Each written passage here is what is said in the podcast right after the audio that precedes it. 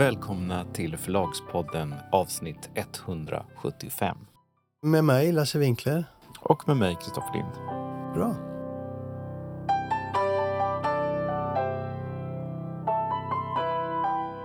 Då är vi redo. Idag blir det mycket ekonomi, tror jag. Och då, då, ni som lyssnar då ska inte bli eh, ledsna för det är väldigt intressant, delvis. Och viktigt, delvis. Du, Storytel börjar vi med va? Mm, kan vi göra. De har ju kommit med sin rapport för kvartal 4 och en redovisning för året. Men vad säger du när du tittar på det? De har ett då ebitda-resultat, ett rörelseresultat före avskrivningar och räntekostnader och sånt som ligger på plus 39 procent. Det är ju första gången som Storytel har det. 39 miljoner menar du väl? Ja, förlåt, 39 miljoner. Det är första gången som Storytel har det, så det är ju ganska bra. I synnerhet om man tittar på hur det såg ut tidigare. Förra kvartalet, eller fjärde kvartalet förra året var det ju minus var det, 80 miljoner eller något sånt där. Mm. Eh, så det är en väldigt fantastisk vändning. Men sen har ju aktiemarknaden varit ganska negativ idag. Aktien är ner tror jag 12 procent nu ungefär när vi spelar in där. Och det tror jag beror på att man tycker inte att eh, tillväxten är tillräckligt stark och att man tycker att det på sista raden är en, trots allt ett minus efter då valutaeffekter, räntekostnader, avskrivningar och sånt. Ja, och det gäller helåret då? Ja, det, jag tycker inte det är så konstigt. Den här rapporten har ju fokus på Q4, alltså kvartal 4, därför att det är så positivt. Men tanken att dra med sig de som tittar på det här så här att titta, det här ser bra ut och här kommer vi att fortsätta. Till skillnad från att dra helåret och peka på vad som har hänt tidigare. Så man vill ju skapa en positiv eh, bild för oss som tittar såklart. Jag tittar på Q4, jag ser ju positiva saker. Absolut. Men jag är inte förvånad över att den går ner, aktien. Men det tror jag är högst tillfälligt om jag får spekulera. Så det är köpråd från dig då? Nej, verkligen inte. den, som, den som går och köper aktier efter att ha pratat med mig, den är nog inte riktigt rätt vaggad, tror jag. Nej, det har jag inget grepp om, Kristoffer. Jag äger inga aktier och jag ger mig inte in på aktiemarknaden. Då får de gå till dig, tror jag. Nej. Nå, finns det mer att säga tycker du när du tittar på siffrorna? Någonting som sticker ut? det är så knepigt med siffror för man, det beror på vad man mäter och vad man jämför med och sådär. Men det, de har ju tagit, tappat Ryssland så det är liksom det är ju tillväxt trots att Ryssland är borta. Men sen en, någonting som bidrar starkt till tillväxten är det här amerikanska bolaget, eh, Audiobooks.com. Men även om man tar bort det så är det ju trots allt på helåret en tillväxt som är helt okej okay, givet att vi har tagit oss förbi pandemin och liksom om man tittar på många andra pandemivinnare så så växer ju ändå Storytel. Det är många bolag som inte gör så jag, jag, vet inte riktigt vad man ska säga. Man kan också se att antalet abonnenter minskade lite från det tredje till fjärde kvartalet. Det är väl också en sån sak som oroar aktiemarknaden. Samtidigt har man ju velat bli av med de här binge-lyssningarna och man har höjt lite priser och sådär. Och man kan ju se att ARPen har gått upp, alltså genomsnittsbetalningen per kund har gått upp. Några kronor ja. Ja, det är ju väldigt positivt. Vad man också ska titta på det är ju att med Larcher kom ju ett nytt fokus mm. på lönsamhet. Mm. Och därför när du säger att det är första gången vi ser 39 mille i vinst på fjärde kvartalet så beror det på att fokus har legat på tillväxt hela tiden och det har kostat. Och nu har ju Larcher bromsat, alltså den nya chefen. Han har bromsat. Han säger i sitt, eh, i sitt lilla snack där i, i, i den redovisningen att det ska vara fokus på core countries, alltså en kärnverksamhet på tio länder som är eh, Storytels kärna. Här finns ju ingenting i den här rapporten från Storytel. Alltså Larcher säger ingenting om framtiden annat än att de ska fokusera på de här tio kärnländerna. Men han säger samtidigt att jag kommer tillbaka under året med eh, en eh, mer tydlig eh, markering om vår riktlinje. Och jag tar det som en hint om att det kan mycket väl vara så att han kommer att redovisa en strategi för att nå vidare. För du kan inte bara stanna vid de här tio länderna utan du måste utvecklas. Ska vi släppa Storyteller då? Mm.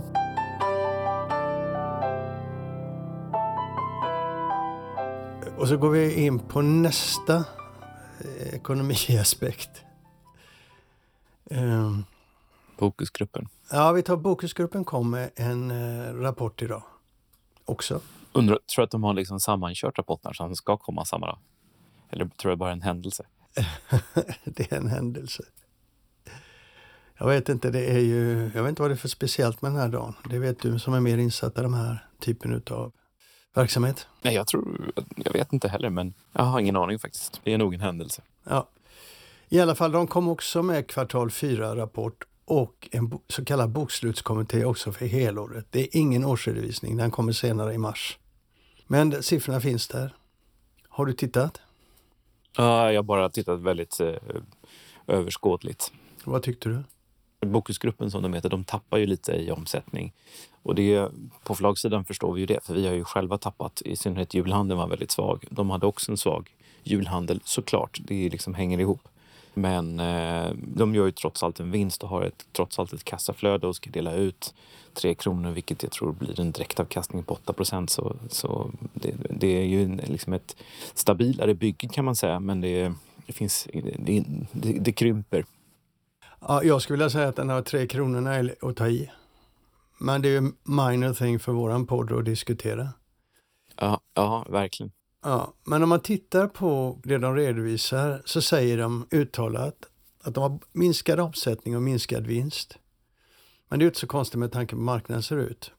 Men butiken, alltså den fysiska affären, där har man ökat omsättning genom att man har ökat priserna på böckerna. men har minskat styckförsäljningen. som jag fattar det. Och totalt visar man en minskning för Bokus på 10,9 procent och 3,6 för Akademibokhandeln online. Så sammantaget så blir det ett negativt resultat. Bokusminskningen var väl delvis då en, en pandemieffekt, att folk föredrog fysiska butiker men också att man eh, hade problem med något nytt system eller vad det nu var.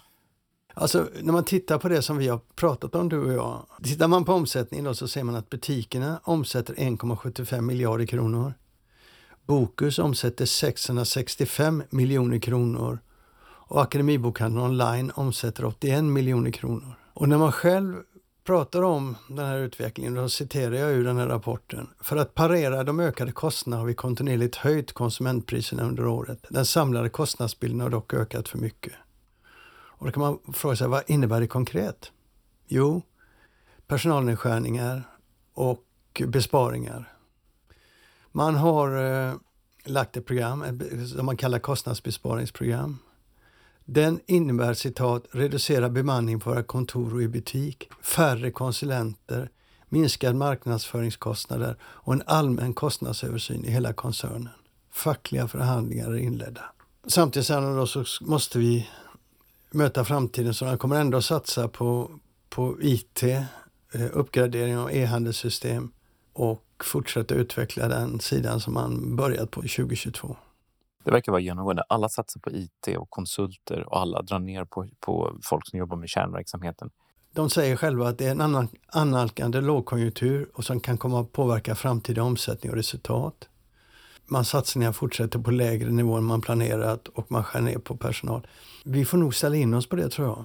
Bromsen slås till inte bara där, för slås den till där så kommer den ju också att slås till på förlagssidan. Jo, men det har vi redan hört att det är på gång på några ställen. Innan vi går in på förlagssidan så låt oss titta på Adlibris, alltså konkurrenten till Bokus. Även de skär ner.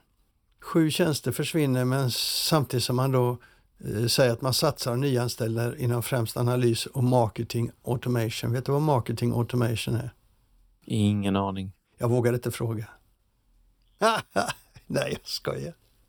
Jag tyckte inte det var så viktigt. Om jag, det slår mig att jag vet ju faktiskt inte vad det är för... Vad gör en, en person som jobbar med marketing automation?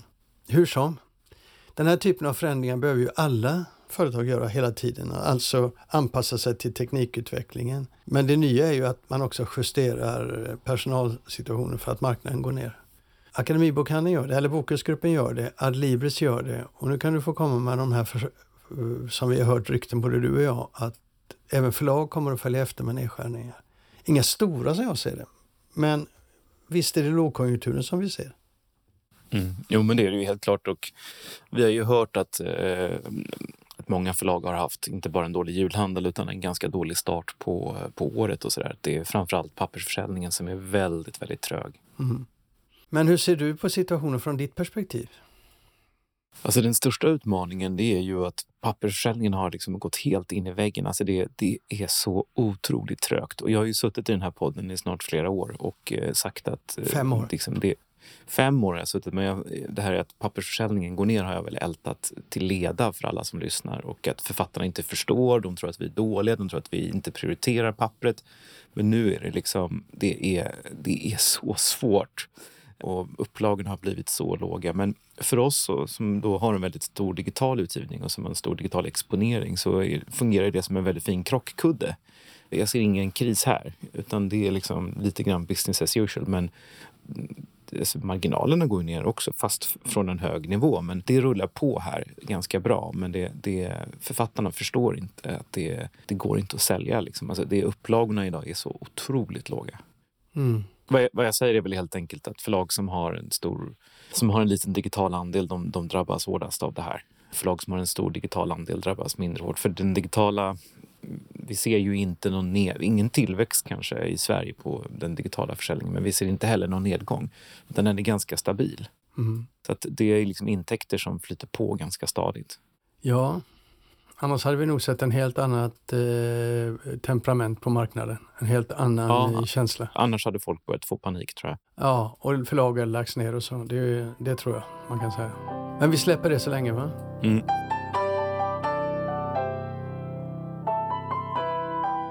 Förra veckans bredsida mot rean som ju börjar, vi kommer ut med detta på måndag och rean börjar på tisdagen dagen efter. Och förra veckans bredsida mot rean den kanske inte skapade någon oro på marknaden precis men vi var ju väldigt tydliga med att vi inte tror på rean. Och så kom ju nu Förläggarföreningen och Bokhandlarföreningen med årsstatistik. Eller den kommer nu, den kommer presenteras om ett par veckor. Och förlagen, medlemmarna har ju, i Förläggarföreningen har ju sett den, men vi får inte använda den förrän den är så att säga lyfts på. Men vi ska ändå sno en liten information därifrån som gäller rean. Mm.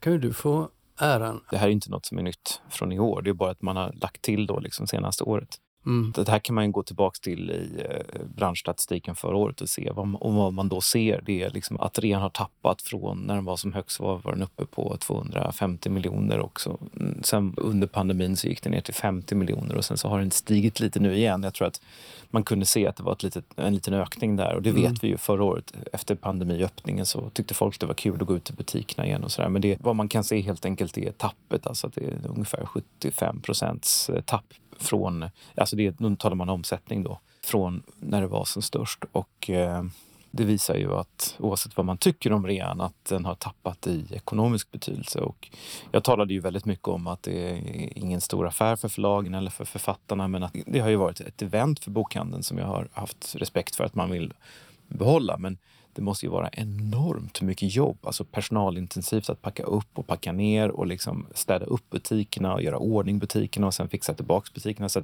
det är ju säkert en ganska stor kostnad också, så frågan är om inte de här siffrorna indikerar att det börjar bli lite väl liten försäljning.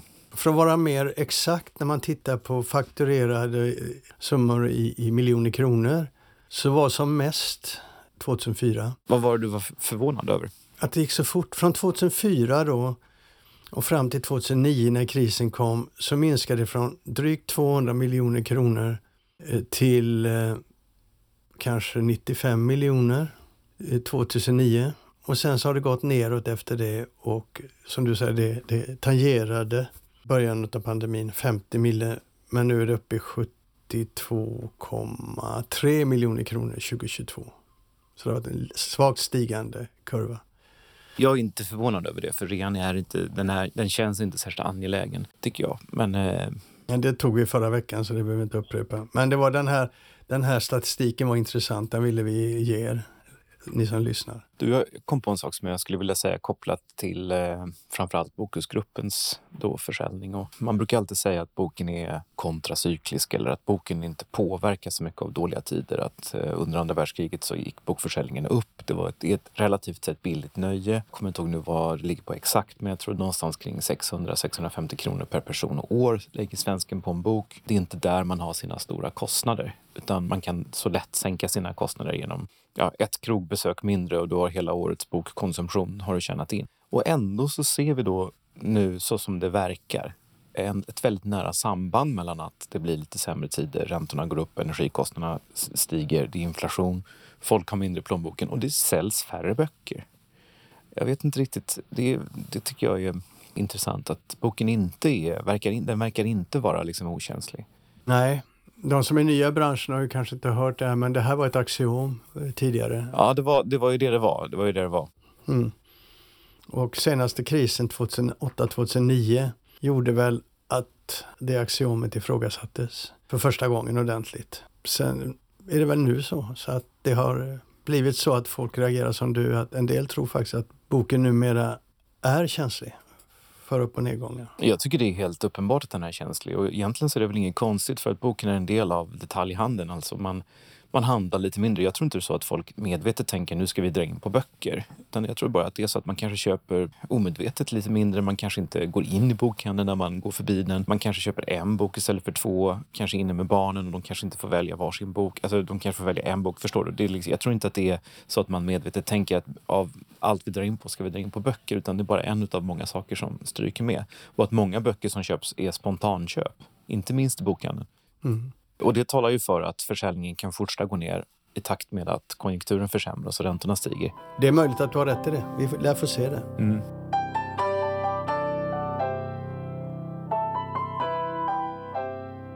Du, nu ska vi ta den här frågan som du tycker att jag ska ta en egen podd till. Men Mm. förra veckan så pratade vi B-formatet. Vi behöver inte ha en egen podd, vi kan ju ha det som ett stående inslag. Ja, det har vi nu i alla fall då, förra veckan nu. Mm. Och då tog jag ju upp den här namntävlingen och att folk, den som vinner, får en middag med dig och mig.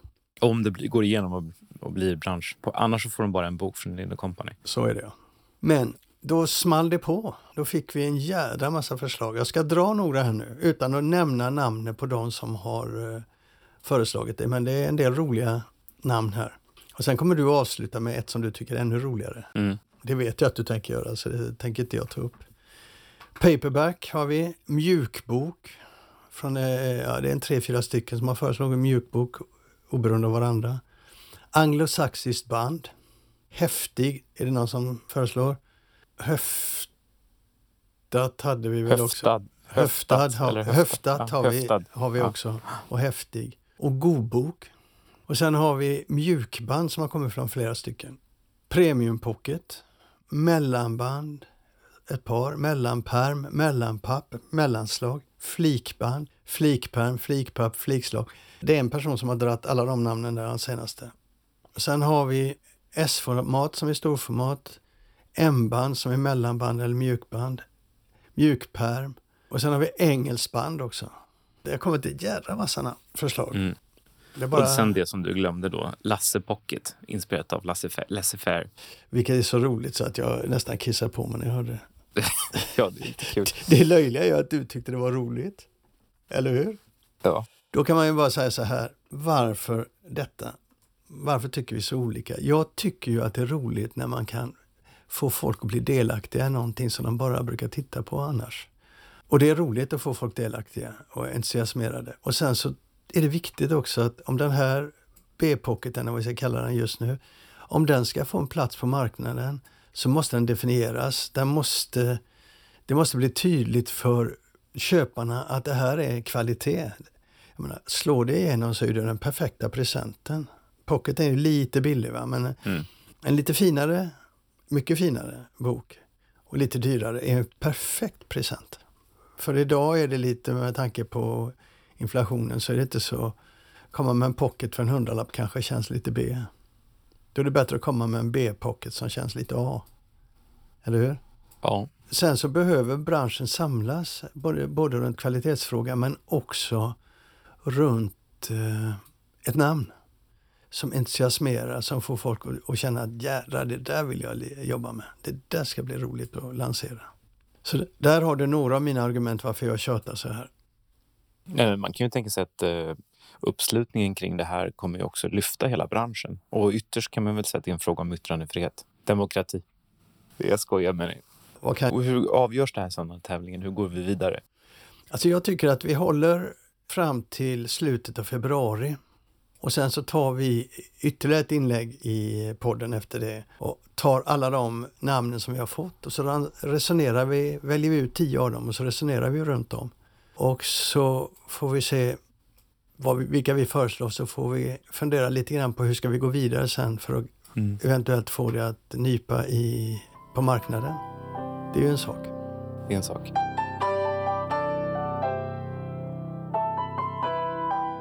Nu Kristoffer så ska du göra en Lasse Winkler här. Vad är det för något? Det är ett långt inslag där om du är i så att säga med i sändningen så, där, så säger du kan, du kan vi sluta nu? Men det kan du inte säga till dig själv. Så nu ska alla få chansen att höra ett mycket passionerat långt inslag om en bok. Men du, du driver med mig här. Du tycker inte att det är så intressant. Det här är mycket mer, det här är mycket mer intressant än B-formatet. Jag, tyck, jag, tycker, jag tycker att det är intressant. Men ja, jag driver med det. Jag tänkte att jag skulle få ge igen lite. alltså man fattar ju varför du ger ut, eh, vad heter den, tidningen? Nej, men nu tycker jag du, Grönköpings veckoblad. Det, Man nej. fattar varför du älskar Grönköpings veckoblad och varför du är en bra utgivare av Grönköpings veckoblad när man hör dig berätta om den här boken. Ja, ja, men eh, nu sätter vi igång. Det gör vi. Du har ju då läst Norstedts hyllningsbok. Just det, precis. Och det har inte jag då, för det är mitt ex du läser. Jag glömde det när jag var uppe i Stockholm. Du glömde det här och jag har inget ex. Men du, du har läst, och vad säger du? Vad är det för typ av hyllningsbok kanske man ska säga, eller för jubileumsbok? Hyllningsbok, det är en jubileumsbok. Den här jubileumsboken kommer då i samband med 200-årsjubileet och den heter Norstedts 200 nedslag. Och den här boken skiljer sig ganska mycket från Natur och kultursbok som ändå också skiljer sig lite från tidigare kröniker över förlagshistorier. Och den här boken består då av 200 nedslag i Norstedts historia och det kan vara allt från historiskt viktiga milstolpar till eh, anekdoter, till eh, olika personligheter, kanske eh, anställda på förlaget eller författare eller översättare eller vad det nu kan vara. Och det är väldigt rikt bildmaterial måste jag säga. Det är fantastiskt bildmaterial. Det är en väldigt rolig bok tycker jag och lättläst är den också. Det är inte så mycket text att man läser den kanske på två timmar eller någonting sånt. Norstedts historia har ju skrivits förut. Ska man då skriva ytterligare liksom en förlagshistorik från 1823 fram till idag så finns det en stor risk att man upprepar sig och att det kanske blir lite tungt och kanske inte så många tar till sig det. Så det här är ju ett sätt att komma undan det, komma runt det, liksom att göra någonting som ändå blir någonting nytt och som blir någonting kul. Jag tycker nog ändå att de har lyckats ganska bra. Naturkultursbok som jag tyckte också var intressant, men jag är ju nörd här, den tror jag inte så många har läst från perm till perm, men den här tror jag rätt många kommer att läsa. Det är Johan Scheus har skrivit texterna och de är faktiskt riktigt bra. Lotta Kylon och Söner har formgivit den och det är lite då kul eftersom det heter ju P.A. Norstedts och Söner. Jag vet inte vad hennes söner har gjort. Redaktör har varit Peter Karlsson och han har säkert haft en ganska stor roll i det här eftersom det är så väldigt mycket en redigerad bok. Eh, bara urvalet av de här 200 punkterna måste varit väldigt svårt. Och som sagt, bildmaterialet är helt fantastiskt. Det måste ha varit ett enormt jobb bara att ta fram bilderna. Ge oss några exempel då, du, du som eh, har läst boken. Jag ska inte berätta historien, för den, är, den kan ju folk läsa själva. Det är väl bara att googla Norstedts historia. Den första Norstedts, han hette P.A. Norstedts då. Vet du var namnet själva Norstedts kommer ifrån? Nej, ingen aning. Det är lite särskilt speciellt, kul och intressant för dig och mig, för vi ska nämligen till Nora om några veckor. Och namnet Norstedts kommer från Nora, därför att anfaden i familjen, han var gruvfogde i Nora på 1600-talet. Och sen långt senare så fanns det den här P.A. Norstedt. Han var handlare, bryggare, lantbrukare och rådman i Örebro. Och han köper av en man som heter Johan Peter Lind, som Lind med H, en väldigt känd boktryckare i Örebro som också sen köpte tryckeri i Stockholm. Och som ägde bokhandeln Lind? Ja, Linds bokhandel den finns fortfarande kvar, en av Sveriges äldsta tror jag. Och han köpte då det här tryckeriet av hans änka 1823. Och då så kom också hans söner dit och han var då 57 år gammal och väldigt intresserad av kortspel. Och det är liksom, där startar Norstedts. Vad menar du med det? Det, det står så här att han eh, Sonen Karl uttrycker i sitt eftermäle att fadern, den passionerade kortspelaren, ägde ett mycket spekulativt huvud men att hans idéer var alltför talrika och ofta ledde till ekonomiska svårigheter. Man får intryck av att han har varit en, eh, lite av en gambler som kanske inte liksom, var inte jätteintresserad av, av bokförlag eller tryckeriverksamhet utan kortspel och spekulation. Men nu råkade det bli det här. Någonstans ska ju allting börja. Det där var väl inte en så dålig början? Nej, ingen dålig början. Absolut ingen dålig början. Det fanns ju också ett almanacksprivilegium som låg i det här Linds tryckeri. Och eh, det har sen följt med. Och det där var ju liksom en väldigt viktig bas för Norstedts under väldigt många år. Man hade monopol på att trycka vissa typer av almanackor och det var en väldigt bra business. Ett intressant nedslag är ju den första boken och alla vet ju vilken som var Bonniers första bok. Det var en bok som handlade om bevis för att Napoleon aldrig har funnits. Och I fallet med Norstedts första bok så är det lite otydligt vilken som är den första boken. För att här har de med en av de första böckerna och jag tror att det beror på att man inte kanske exakt vet vilken som var den första. Men den som är med här som ett exempel på en av de första böckerna som de gav ut, det är boken har en ganska lång titel. Den heter så här Beskrivning på en ny apparat till potäters upplösning och beredning för brännvinsbränning med fyra tavlor i stentryck. Och författaren heter? Frans Ernst Siemens. Sen så jag ska, jag ska inte vara så himla långrandig här, men no, eh, några saker som jag tycker är väldigt intressanta. Som också, en sak som förvånade mig nästan allra mest, det är lagboken. Norstedts gav ju ut lagboken under en väldigt lång... Den första boken som kom ut på Norstedts lagboken det var 1841. Och sen har man då fortsatt, det är nu inne på 144 årgången. Alltså det är fortfarande efter 144 år en kommersiell förlagsprodukt som fungerar. Den här ingår inte längre i Norstedts. Man bildade i början av 90-talet ett bolag när man la all juridik i och så, så kallade man det för Norstedts juridik och sen sålde man det 1997. Det är ju idag en ganska stor verksamhet. Den omsätter 370 miljoner och gjorde 120 i vinst. Hur som helst, det intressanta med den här Rikets lag det är då att lagboken är att den dels bygger den på 1734 års lag fortfarande och den är liksom disponerad efter den fortfarande. Och delar av den här lagen gäller fortfarande i Sverige och Finland. Det finns exempelvis några kapitel i Byggingabalken som, som fortfarande är aktuella inklusive det kända kapitlet med rubriken Hur svin må i ollonskog släppas. En gång till. Hur svin må i ollonskog släppas. Wow. Mm. Men vet du det? Det vet inte jag. Nej, jag har ingen aning. Jag har ingen aning. Det mest intressanta med lagboken som, jag, som för mig då var överraskningen är att jag har aldrig tänkt på eller förstått att lagboken är en privat kommersiell förlagsprodukt. Det här är ju inte en officiell liksom, lagbok på det sättet. Jag trodde liksom Norstedts hade fått något slags privilegium att trycka den, liksom, att det var en statlig bok. Men det är det inte, utan det är en, det är en privat eh, samling utav eh, texter som kommer ju från ja, den svenska författningen. Liksom. Men inte det lite kul? Jo, det visste inte jag heller. Jag utgick från att den var kopplad till staten. Nej, det är den inte. En annan sån här klassiker är ju då Svenska Akademins ordbok. Saul, eller Svenska Akademins ordlista som den väl heter. Mm. Och den har man också givit ut sedan 1874, så det är fantastiskt länge. Och här måste jag erkänna att jag är lite osäker på om man fortfarande ger ut den eller om den också ligger inom Norstedts juridik eller någonting sånt. Men eh, en, en intressant anekdot här, eller intressant information här är att Saul var oftast, ofta i otakt med tiden. Alltså man, man eh, var ganska konservativ. Och man följer inte med i 1906 års stavningsreform. Och tio år senare så får man då kasta in en nystavad ordförteckning för att inte förlora marken till uppstickande ordlistor. Man hade helt enkelt inte ändrat eh, vem med H till vem utan H, av af till av och sådana här saker. Vi ska återkomma till Norstedtsandan lite senare, men om det är någonting som hänger ihop med Norstedtsandan så är det nog Norstedts lite speciella placering. Alltså Norstedts ligger på, för de som inte vet, på Riddarholmen i Stockholm och det är en centralt placerad ö som nästan uteslutande består av statliga ämbetsverk, tidigare gamla 1600-talspalats. Och där ligger då Norstedts som ett av de få liksom, privata företagen.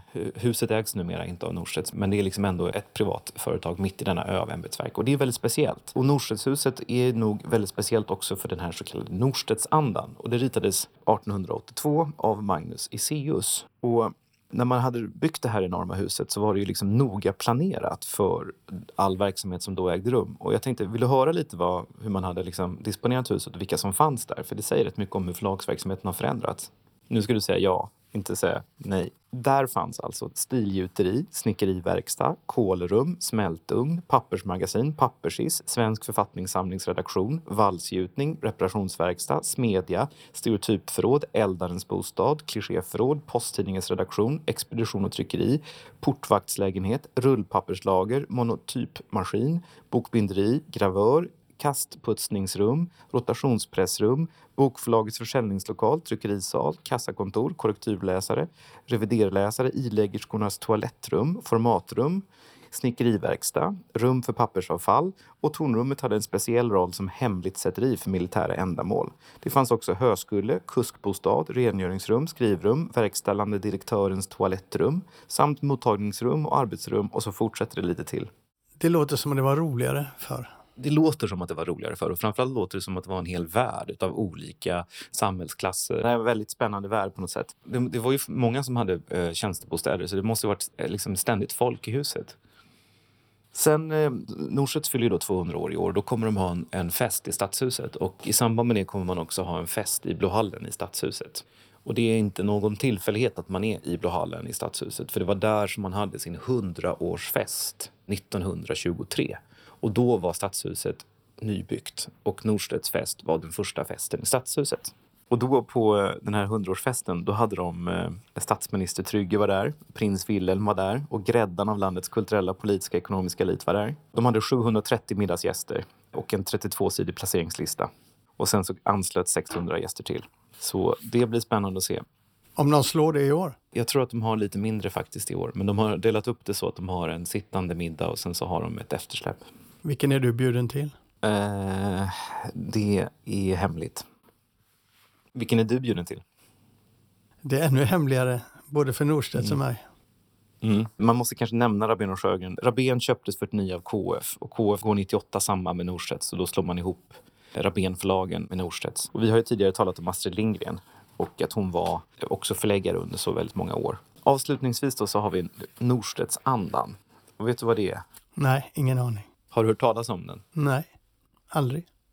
Har du inte? Ja, men jag har hört talas om den flera gånger och i en intervju i, i Dagens Industri för några veckor sedan så säger Eva Gedin att anledningen till att hon har stannat så länge på Norstedts beror på den så kallade Norstedts-andan. Jag har undrat också vad Norstedts-andan är. Och det står då här i, i eh, förordet till boken som Eva Gedin och Patrik Hadenius har skrivit så står det att Norstedts-andan, den här har man alltid talat om. Och eh, även om vi nu inte längre är ett familjeförlag så är den här väldigt mycket Vi är family. Nu, nu hörde inte du att jag fnissade okontrollerat. Nej, och det står också i boken då, så står, de har en särskild punkt om Norstedtsandan och de har en myt eller verklighet och så vi på Norstedts och så. Så här står det. Finns det en Norstedts anda och vad är den i så fall? Interntidningen Vi på Norstedt söker 1955 svar och landar i en känsla av inbördes förtroende och inbördes ansvar, vänlighet och lojalitet. En fin form av vad som inom sporten kallas för laganda och att man sätter sitt företag mycket högt och identifierar sig själv med företaget samt att det något avskilda läget på Riddarholmen skänker en viss samhörighetskänsla åt Nordstettarna som ser den övriga världen på distingerat avstånd. Vad ja, säger du om det? Jag säger att det är trams. Det är faktiskt högkvalitet, kvalificerat trams. För det första så bygger ju ett företags interna kultur på de som jobbar där och det förändras över tid.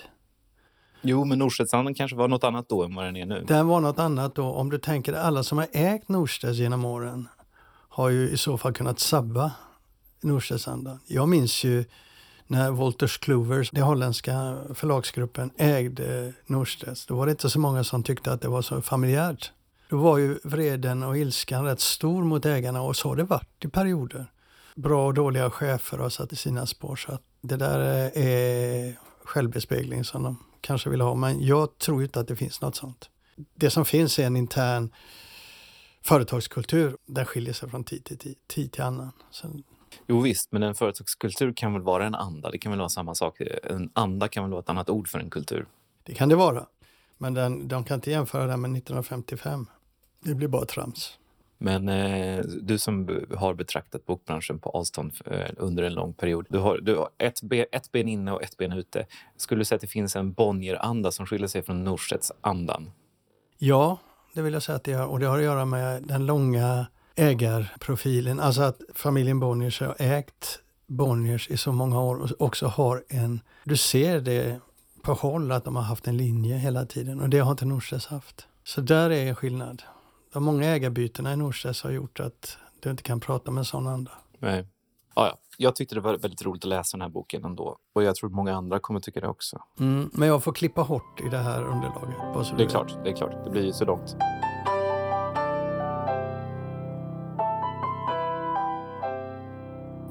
Det var allt för idag va? Det var allt för idag. Vi hörs om en vecka. Om ni vill. Ja, det gör vi. Mm. Hej då. Hej då.